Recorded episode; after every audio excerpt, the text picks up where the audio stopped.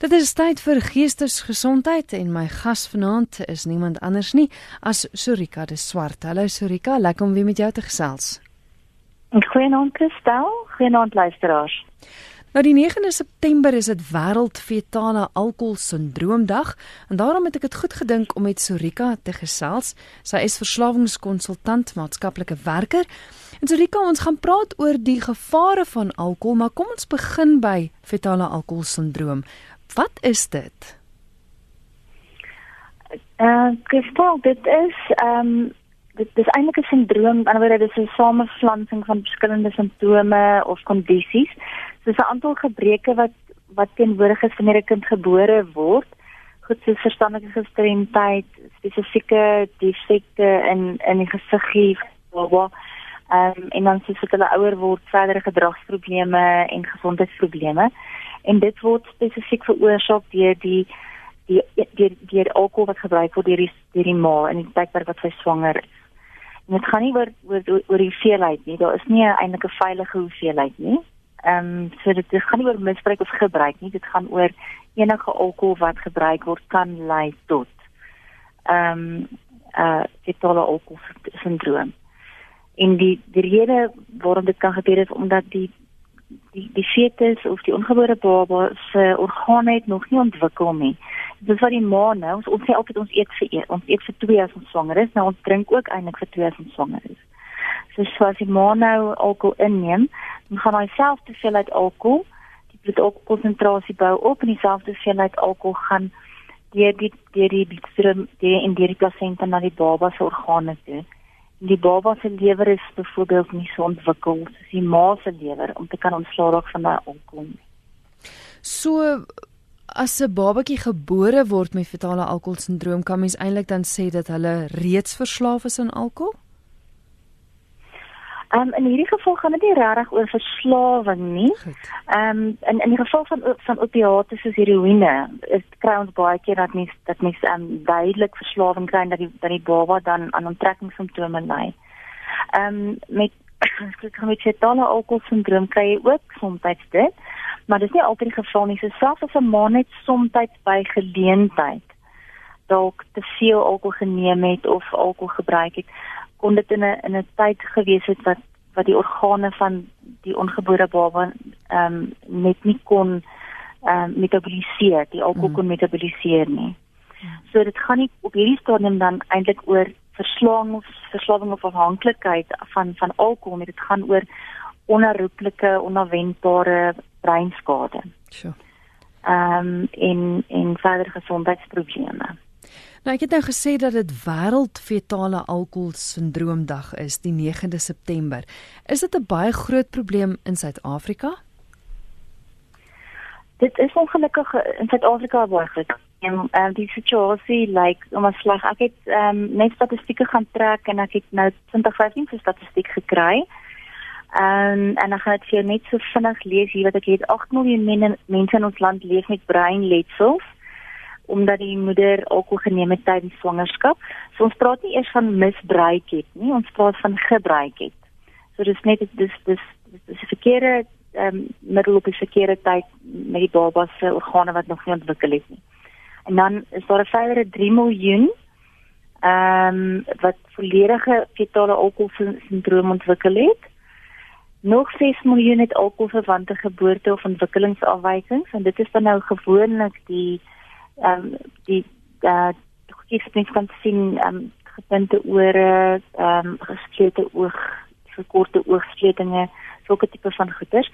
En elke jaar het ons so 25000 nuwe babas wat met breinletsels gebore word weens alkohol en die oor het nou nogal 'n ehm um, wêreldrekord 2 jaar gelede gehad in, in 2015 en en dit dat hulle uh, uit elke 1000 leerders het het het 122 van hulle kon gediagnoseer word met fetale alkoholsindroom. En om dit net in konteks te sit, as jy kyk na na dorpe in Amerika byvoorbeeld, dan kyk mens na so tussen 1 en 3 leerders uit elke 1000. So ons syfers is ontsettend, ontsettend hoog. En ehm um, veral ons vind dit veral in plakkerskampe, ons die surveliersdorp en van dat 40 tot hulle sê 76 uit elke 100 kinders ehm um, moontlik fetale opkossindroom sindroom kan hê. So die, die syfers is baie baie hoog. Daar is ehm um, organisasies wat spesifiek werk in 'n selfbeaarde by die stigting vir alkoholverwante navorsing byvoorbeeld waar my statistiek gekry het. Nou die die goeie nuus hier is dat hulle deur middel van mentorskap het hulle ehm um, wat hulle in staat om hierdie syfer met 30% te laat daal.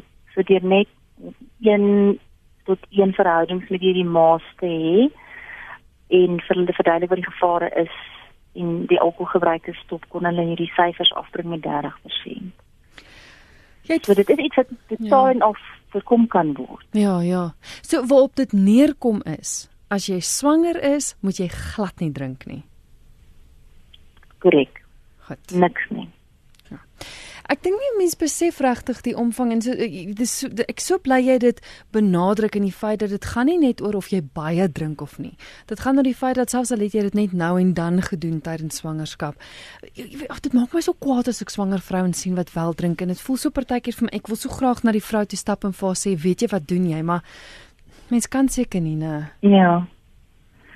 Ja, ek dink dit is baie mense wat dit eh, so klein maak en dink eh, een een een glasie wyn gaan nie verskil maak nie. Die dilemma is dat jy weet nie wat presies is die ontwikkelingsfase van jou ongebore baba op daai stadium nie. Jy weet nie hoe lyk die orgaanontwikkeling nie, jy weet nie hoe lyk die breinontwikkeling nie. So dis 'n totale totale ongelooflike risiko wat jy neem en dit vir 'n glas wyn. Mm. Ja, dit is regtig net nie die moeite werd nie. En ehm um, die hartseer ding is is dat soveel maas na die tyd na die geboorte van die baba vroeg ontsettend want nou sit die kind met leerprobleme en verskeie gesondheidsprobleme en met ehm um, weet 'n agterstand wat hulle net nooit gaan regtig kan inhaal nie. En omdat die ma's nie noodwendig besef het dat hulle swanger was in die eerste 12 weke. En daarom dink ek is dit is dit belangrik dat 'n mens so ver moontlik moet jy kyk na die beplanning van swangerskappe so ver moontlik moet jy kyk dat jy nie nooit alkohol uitermate gebruik nie.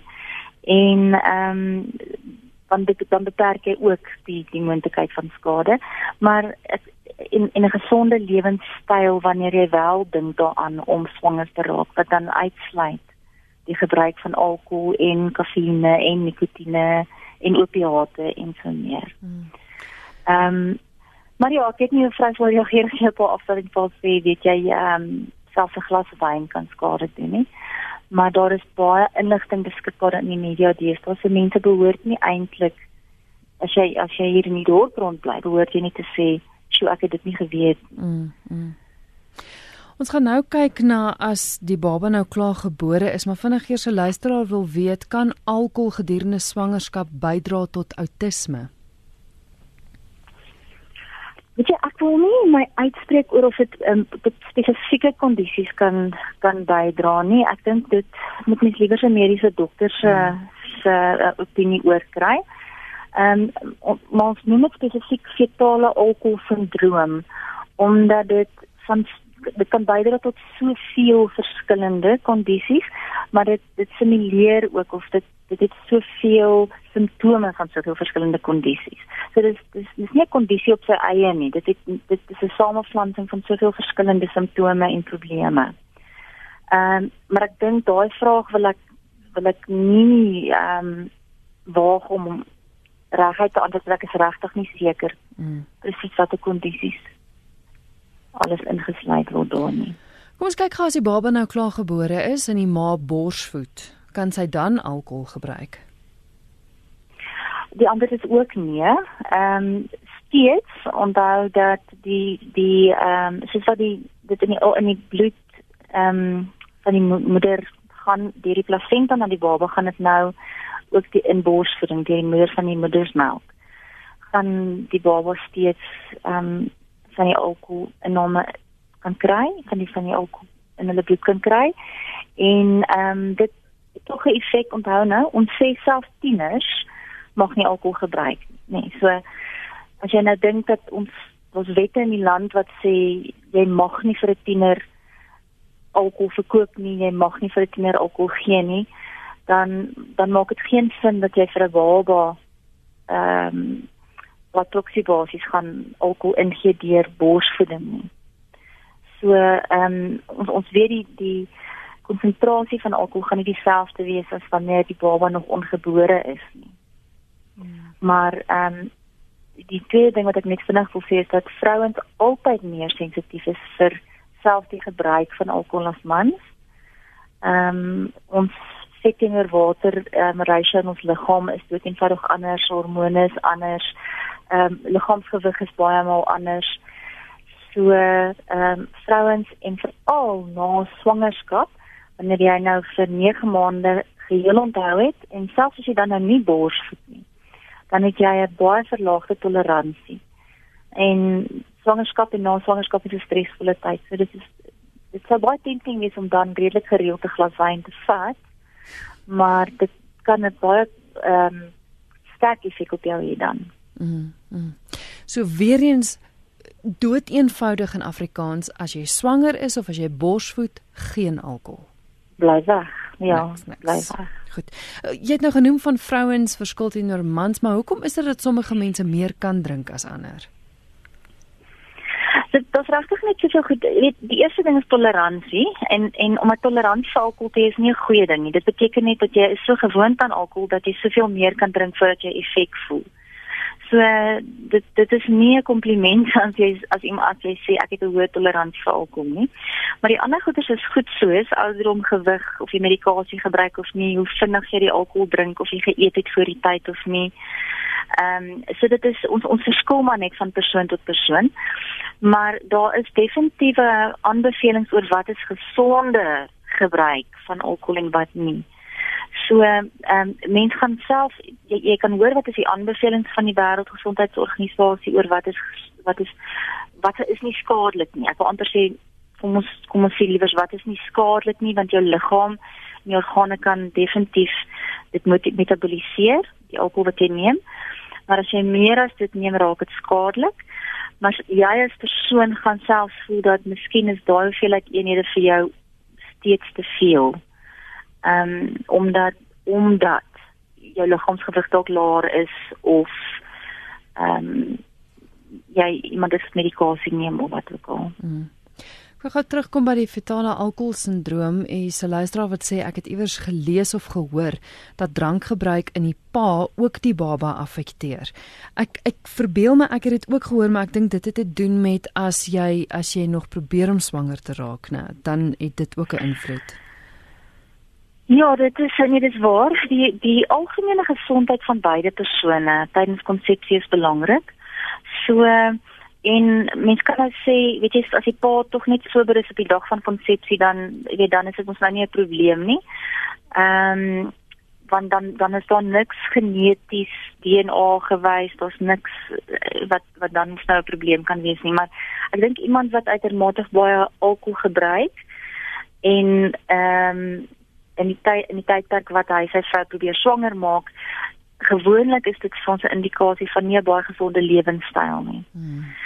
So en daar's redes hoekom mense uitermate baie alkohol gebruik. Dis moontlik dat dit dat daar verslawings ehm um, geen is, met ander woorde 'n predisposisie om verslaaf te raak in die familie. Dis moontlik dat daar geestes gesondheidsprobleme is wat die persoon self probeer medikeer deur alkohol te gebruik in steede van medikasie. So ek dink dit is dit is heeltemal moontlik en daar is navorsing wat sê die gesondheid van die vader het net soveel te doen met die gesondheid van die ongebore baba as wat die gesondheid van die ma daarmee uh, te doen het en dat die gebruik van alkohol uh, van die van die pa ehm um, ook ook 'n belangrike faktor is ek weet nie hoe ver, hoe dit korreleer met fetale alkoholsindroom hmm. spesifiek nie. Hmm.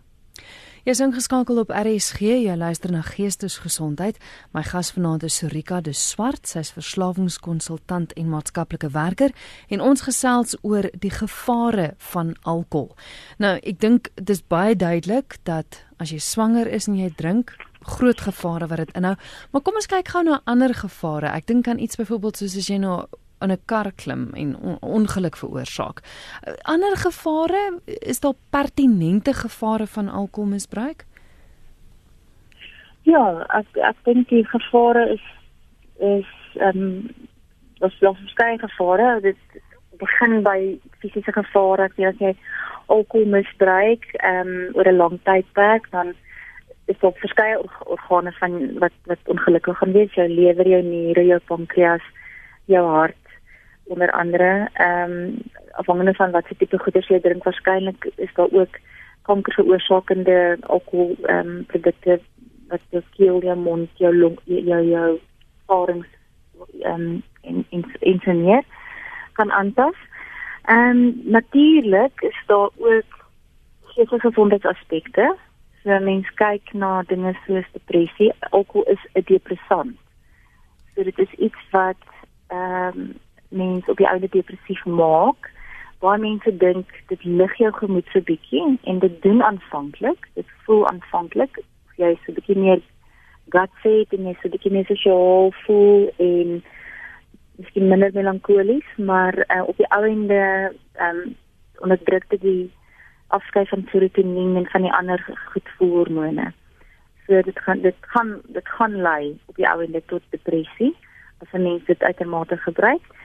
En dan natuurlik ehm um, goed soos verandering in jou gewig ehm um, dit finansiële implikasies. Alkohol is nie goedkoop nie. As, as mens uitermate drink dan gaan dit finansiële implikasies hê. En en en dan wetsimplikasies. As jy 'n motor klim, nou die laaste wetgewing wat ek nog gekyk het is jy kan nie eers as die motor aangeskakel is in die passasierskant sit met 'n oopgemaakte ehm um, alkoholproduk nie. So ehm um, en dan kyk nou so ernstig daarna dat hulle begin kyk na zero tolerance. Met ander woorde as jy enige enige hoeveelheid alkohol in het, mag jy nie bestuur nie. Nou dit daai wet is nog nie deur nie. Maar dit is in die rigting waarna ons beweeg as gevolg van die vreeslike aantal padsterftes. Hmm. So ek wil amper al sê as as as mens dit eenvoudig kan maak eerder as om om jou eenhede te tel, as jy as jy gedrink het, moenie bestuur nie. Hmm. Dit bel bel Uber of of ehm um, kry iemand anders om jou te bestuur. Jy is welkom om saam te gesels. Jy kan 'n SMS stuur na 45770 45770 elke SMS kos jou R1.50. Jy kan ook 'n e-pos stuur via ons webwerf rsg.co.za of jy kan skakel ateljee toe 089 1104553. Dis 089 1104553. Sorika is 'n luisteraar wat wil weet op watter punt moet ek bekommerd raak oor my alkoholgebruik? Goed, ek dink mense raak gewoonlik eers bekommerd oor jou alkoholgebruik wanneer baie mense begin kla oor jou alkoholgebruik. Jy is gewoonlik die laaste een wat daaroor bekommerd raak. Maar ek dink uh, vir myself as jy begin voel maar ek het 'n baie sterk hinkering of byna 'n onkeerbare begeerte om te drink. Soveel so dat ek begin skelm raak. Ek begin goed wegsteek in die huis sodat dit vir my maklik is om toegang te hê tot alkohol wanneer niemand by die huis is nie daar's 'n verlies van beheer. Met ander woorde, ek sê vir myself ek gaan nie hierdie naweek drink nie of ek gaan nie vanaand drink nie en ek gaan net twee drankies drink as ek besluit om iets te drink en voordat jy weet dat jy ehm um, totaal beheer verloor, dan het jy weer die hele bottel klaar gemaak, wat ook al. Ehm um, en dan is daar die die onttrekkingssimptome na die tyd. As 'n mens as mens na die tyd ehm um, bewerig is, snarerig is, sweterig, wanneer jy nie alkohol gebruik het nie of die volgende oggend, dan is dit 'n redelike teken dat jou liggaam al baie gewoond geraak het aan hierdie middel. Toleransie is natuurlik 'n ander ding. Ehm um, so as jy gewoonlik kom ons sê net maar twee glase wyn kon drink en dit was heeltemal genoeg om vir jou ehm um, baie tipsy te maak en nou is is is dit nie genoeg nie. Dit doen jou eintlik niks dan het jy duidelike toleransie opgebou. En ek dink verder as jy 'n irritasie voel wanneer mense met jou praat oor jou alkoholgebruik, dan is dit gewoonlik 'n teken dat dit 'n bietjie van 'n sensitiewe saak is. Maar ons ons is geneig om te sê die drie hoofgoeters is die verlies van beheer, die intense begeerte om te drink en dat mense aanhou om alkohol te gebruik ten spyte van negatiewe gevolge. Aan die ander wyse jy jy kom nie moeilik moeilikheid daaroor op verskillende maniere en plekke maar jy hou aan om dit te doen. Hierse luisteraar wat sê my vrou drink omtrent daagliks 'n bottel wyn uit. Dit affekteer haar nie in die sin dat sy aggressief raak of kwaad raak of ons leed aandoen nie. Sy is heel kalm, maar ek is bekommerd oor watter fisiese uitwerking dit op haar liggaam kan hê, want ek wil haar nie verloor oor iets so stupid soos dit nie. Ja, dit is nou wanneer 'n mens moet kyk na die want want mens kan nou vir jouself sê hier is nie ehm um, dit klink nie as asof die negatiewe gevolge is nie net sy sy doen niks wat niemand skade aan doen nie sy is rustig by die huis. Ek ek dink ek sou 'n paar vrae wil vra ek sou wil vra as 'n mens besig is om 'n bottel wyn uit te drink is jy dan nou beskikbaar vir jou maat is jy beskikbaar vir jou kinders um, is jy beskikbaar vir ander aktiwiteite of is jy ge, geïsoleerd net besig met met jou alkohol want want dit sou vir my uh, rooi ligte wys. Ehm um, ek hoor dit maak jou nie aggressief nie, maar maak dit jou nie dalk depressief nie. En is is dit nie is jy nie dalk in 'n siklus vasgevang waar hoe meer depressief jy raak, hoe meer alkohol gebruik en hoe meer alkohol jy gebruik, hoe meer depressief raak jy. Hmm. Ek sou wou vra oor hoe dit 'n persoon se slaap affekteer. En dan sal ek dood eenvoudig wou sê dat ehm um, 'n bottel wyn uh, per aand is verseker meer as die die veilige hoeveelheid wat wat 'n mens se niere, lewer en pankreas kan verwerk. So vir 'n vrou is die is die veilige aanbeveling 2 na 3 eenhede per dag. Nou as ons nou gestel sy drink byvoorbeeld rooi wyn, dan ehm um, is 'n uh, 'n restaurantglas van 250 ml is reeds 3.3 eenhede. So jy kan net so. een van daai massiewe restaurantglase drink op 'n aand of jy kan as jy by die huis is en jy drink 'n 90 ml glas, dan is dit nou 1 en 'n halwe eenheid. So met ander woorde die eenhede wat sy wat sy in 'n aand neem en kollektief in 'n week neem, is veel te veel vir haar liggaam om prosesseer en te metaboliseer. Hmm. So op 'n of ander stadium gaan die liggaam sê kan nie meer nie. En en ek dink dit is my bekommernis. So ek ek ek ek gaan baie eerlik sê ongeag of die persoon dronk word, aggressief raak, ehm um, op die stadium lewerfunksie probleme wys of nie, dit is 'n gevaarlike hoeveelheid alkohol vir vir 'n vrou om te neem dag na dag. Hmm. Is iemand wat vra, kan nie asseblief verduidelik waarom party mense buitengewoon aggressief raak na alkoholinname? Dankie vir 'n insiggewende program. Ja, baie mense drink alkohol omdat hulle hulle gevoelens onderdruk. Watter gevoelens ook nou al of dit nou is hartseer of of kwaad of wat ook al, ehm um, dan help hierdie middel om dit so bietjie te onderdruk, maar wat ons baie maal vind met alkohol is ons het iets wat ons noem 'n rebound effek. Dit werk so met met met slaap en dit werk so met aggressie. So jy kan alkohol drink, dan raak jy dan raak jy vaak, jy gaan te min die bed en jy slaap, 2 ure later, 3 ure later word jy wakker dan kan jy nie verder slaap nie en of jy raak die volgende oggend wakker en jy is doodmoeg. Dit doen dieselfde met met aggressie. So dit is geneig om ehm um, gevoelens wat jy reeds het te vergroot. So as jy as jy geneig is om te sukkel met aggressie en jy gebruik alkohol net om dit so 'n bietjie die ek amper al sê die die edge van jou aggressie af te neem, dan gaan dit aanvanklik miskien vir jou 'n bietjie meer joviaal maak en bietjie rustiger maak, maar daar's daai rebound effek. Wanneer die alkohol begin uitwerk, dis wat dis die een scenario, wanneer die alkohol begin uitwerk, dan kom die aggressie terug, maar in in in ek wil amper sê dubbelvoudig. En die ander scenario is dat vir al sekere tipe drank en ek dink nou baie spesifiek aan brandewyn. Mm.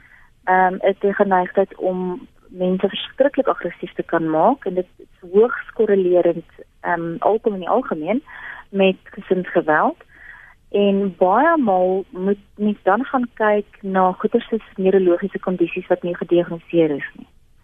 So 'n persoon het dalk 'n neurologiese kondisie of het dalk al voorheen een van 'n breinletsel opgedoen, nooit gediagnoseer nie en die gebruik van alkohol dit het tipe van 'n sneller effek uh op die persoon se vermoë om hulle aggressie te beheer. So as as as iemand daarmee sukkel, sal ek dadelik voorstel dat hulle 'n neuroloog gaan sien en uit die aard van die saak, ehm um, baie dringend kyk na die gebruik van die alkohol. Kom ons neem hierse oproep. RSG goeienaand. Goeienaand, dit net die radio afskakel. Skus tog dis. Ehm um, ek sou maar anoniem bly. Ek is van Bloemfontein. Ehm um, is vir my die hier my lief ek nou lank al sien hier burger uh, onbegrijpelijk waarom dacht nee dit klink nou dit klink nou kritiek. Ek meen in beskeidenheid dat dit die plig van beraders is maatskaplike werkers sielkundiges uh, al die gedragswetenskaplikes veral die wat uh, met individue werk maar seker maar die meerderheid 'n bietjie van dit om om te sê waarom hulle nie sorg dat in die skool ehm um, dat is die voor kurrikulum daar 'n hele paar periodes of 'n kwartaal of al is dit een enkele les. Op sy gesit word om vir kinders wetenskaplik te verduidelik watter effek alkohol op jou liggaam het op jou familielede wat jou werkgewer van jou gaan dink as jy meer as as jy te veel dink op jou uh by uh werkspartytjies een dronkenskap en mense met jou uh weet dit hulle wat is die woord wat ek soek respek verloor vir jou vir al jou ehm um, jou kollegas goed jou hoofde mag eh uh, geduld daarmee of mag nie. En dan die hoe mense verskil. Eh uh, sommige mense kan jare drink voor hulle verslaaf is.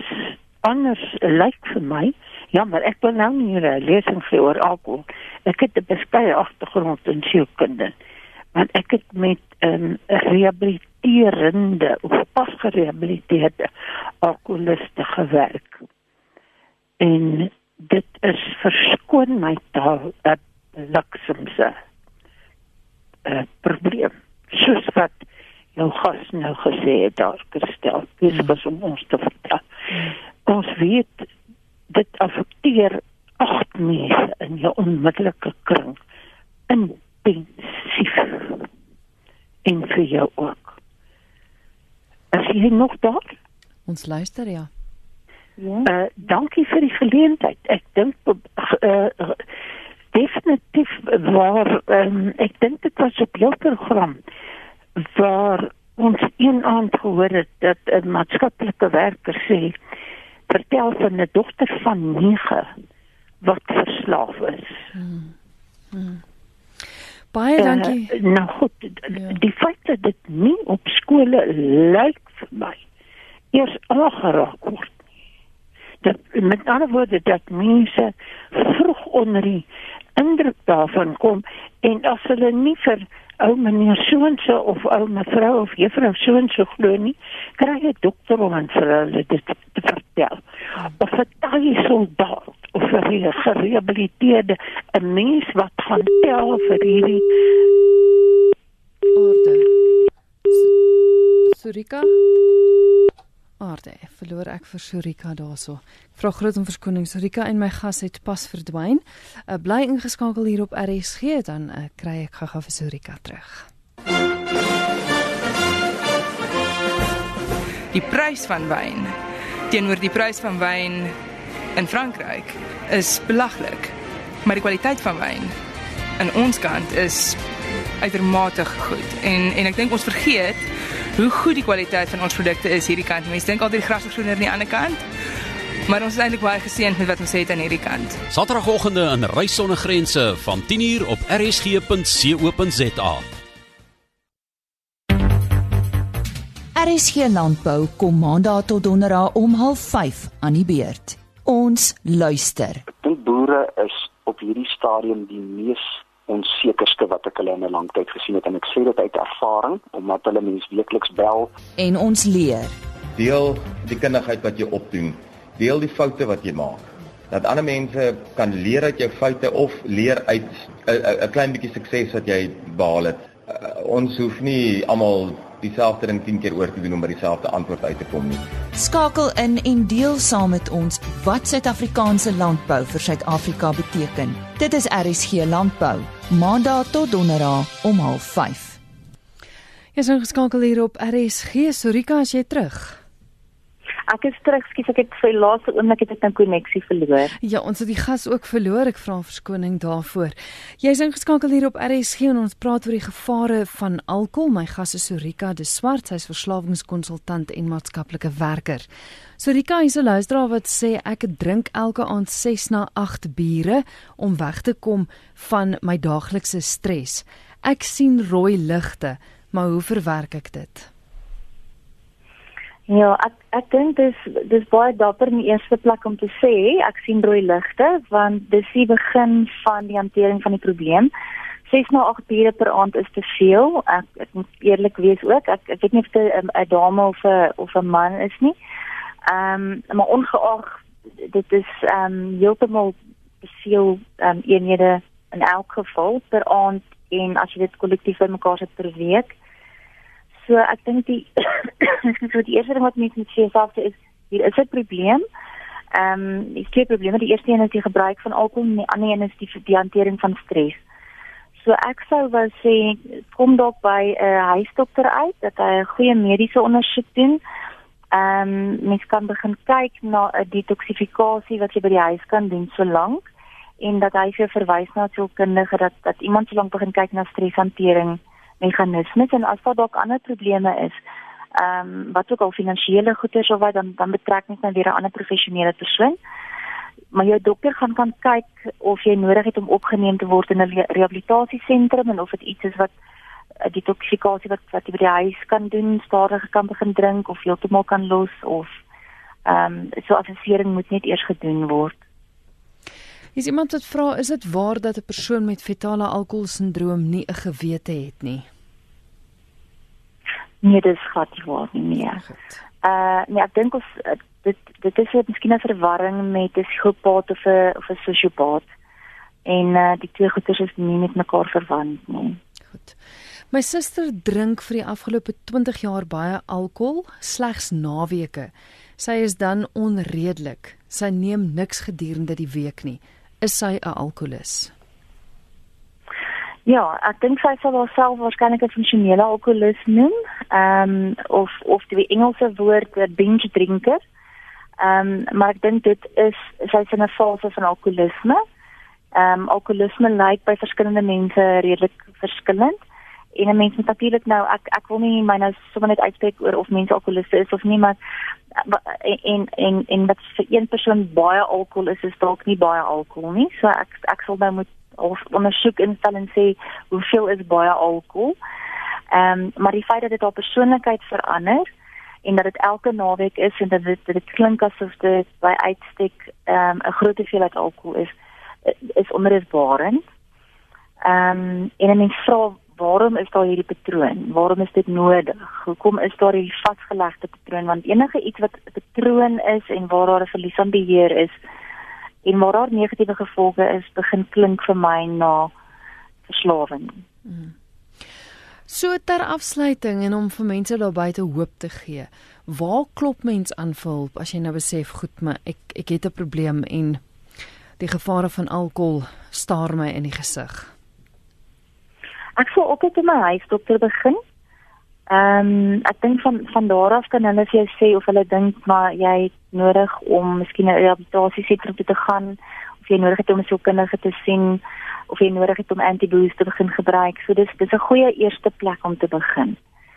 Dien sê jy uh, weet dat dat daar ernstige probleem is, dan kontak jy 'n rehabilitasiesentrum in jou omgewing en hulle doen ook assesserings en hulle gaan ook vir jou kan sê ehm um, of hulle program gaan kan pas of by by by jou behoeftes en of hulle een of ander an, ander aanbeveling vir jou kan maak. Hiersoos iemand wat juis praat oor antibooze wat sê dat ehm um, Ek het dit gebruik en dit het, het tot 4 dae lank gehou, maar dit word nie meer vir my voorgeskryf nie. Ek is bipolêr en op medikasie so my kop hak uit met drank. Dis anoniem wat so sê. Verstaan ek reg is antibiotics maak dit jou siek as jy drink? Ja, dit maak jou ek, ek wil sê gewelddadig siek as jy drink. So ehm um, dis nie dis nie 'n langtermyn oplossing nie dis dis net 'n uh, ek wil sê 'n veiligheidsnet wat in in in 'n tydperk wat jy in terapie is moontlik as 'n buitepasiënt. Ehm um, vir jou miskien sal weghou van die alkohol af, maar dit is dit alleen is nie 'n oplossing nie. Dis suiwer net 'n veiligheidsnet. Dit moet saam met ander terapie gaan en ehm um, baie spesifieke ondersteunings ehm um, groepe se bywoning en formele behandeling deur deur 'n spesialis op die gebied. Nee. Ehm um, jy kan nie dit lanktermyn gebruik nie. Ja. Nou ek wil vanaand 'n program kan dit nie gebruik nie. O, so dis nie vir almal nie goed. Ehm um, ek wil ja. vanaand 'n program benadruk en afsluit hier om te sê dat as jy swanger is en as jy borsvoed, geen alkohol en as jy bestuur, geen alkohol. Mag ek so streng wees? Asseblief, asseblief gestel. So Rika, hoe maak luisteraars om jou te kontak? Jy kan gaan na uh, www.surikadeswart. Dis S O R I K A D E S W A R D T uh .co.za. Ehm um, of jy kan uh my ook 'n e-pos stuur by info@surikadeswart.co.za en dan is daar op my Facebookblad, maar ek het vanaand reeds 'n paar artikels opgelaai oor eenhede oor fetale alkoholsindroom en so meer. Baie dankie vir die gesels. Ja, en baie dankie vir jou wyse raad. Baie dankie lekker rustig aan julle verder. Dankie. Dis Rika de Swart, sy is verslawingskonsultant en maatskaplike werker en ons het vanaand gesels oor die gevare van alkohol, spesifiek fetale alkoholsindroom, want dit is die 9de September wêreld fetale alkoholsindroom. En soos ek net nou gesê het, asseblief, asseblief, asseblief dink aan daai klein klein babatjie in jou maag. Moenie drink as jy swanger is nie.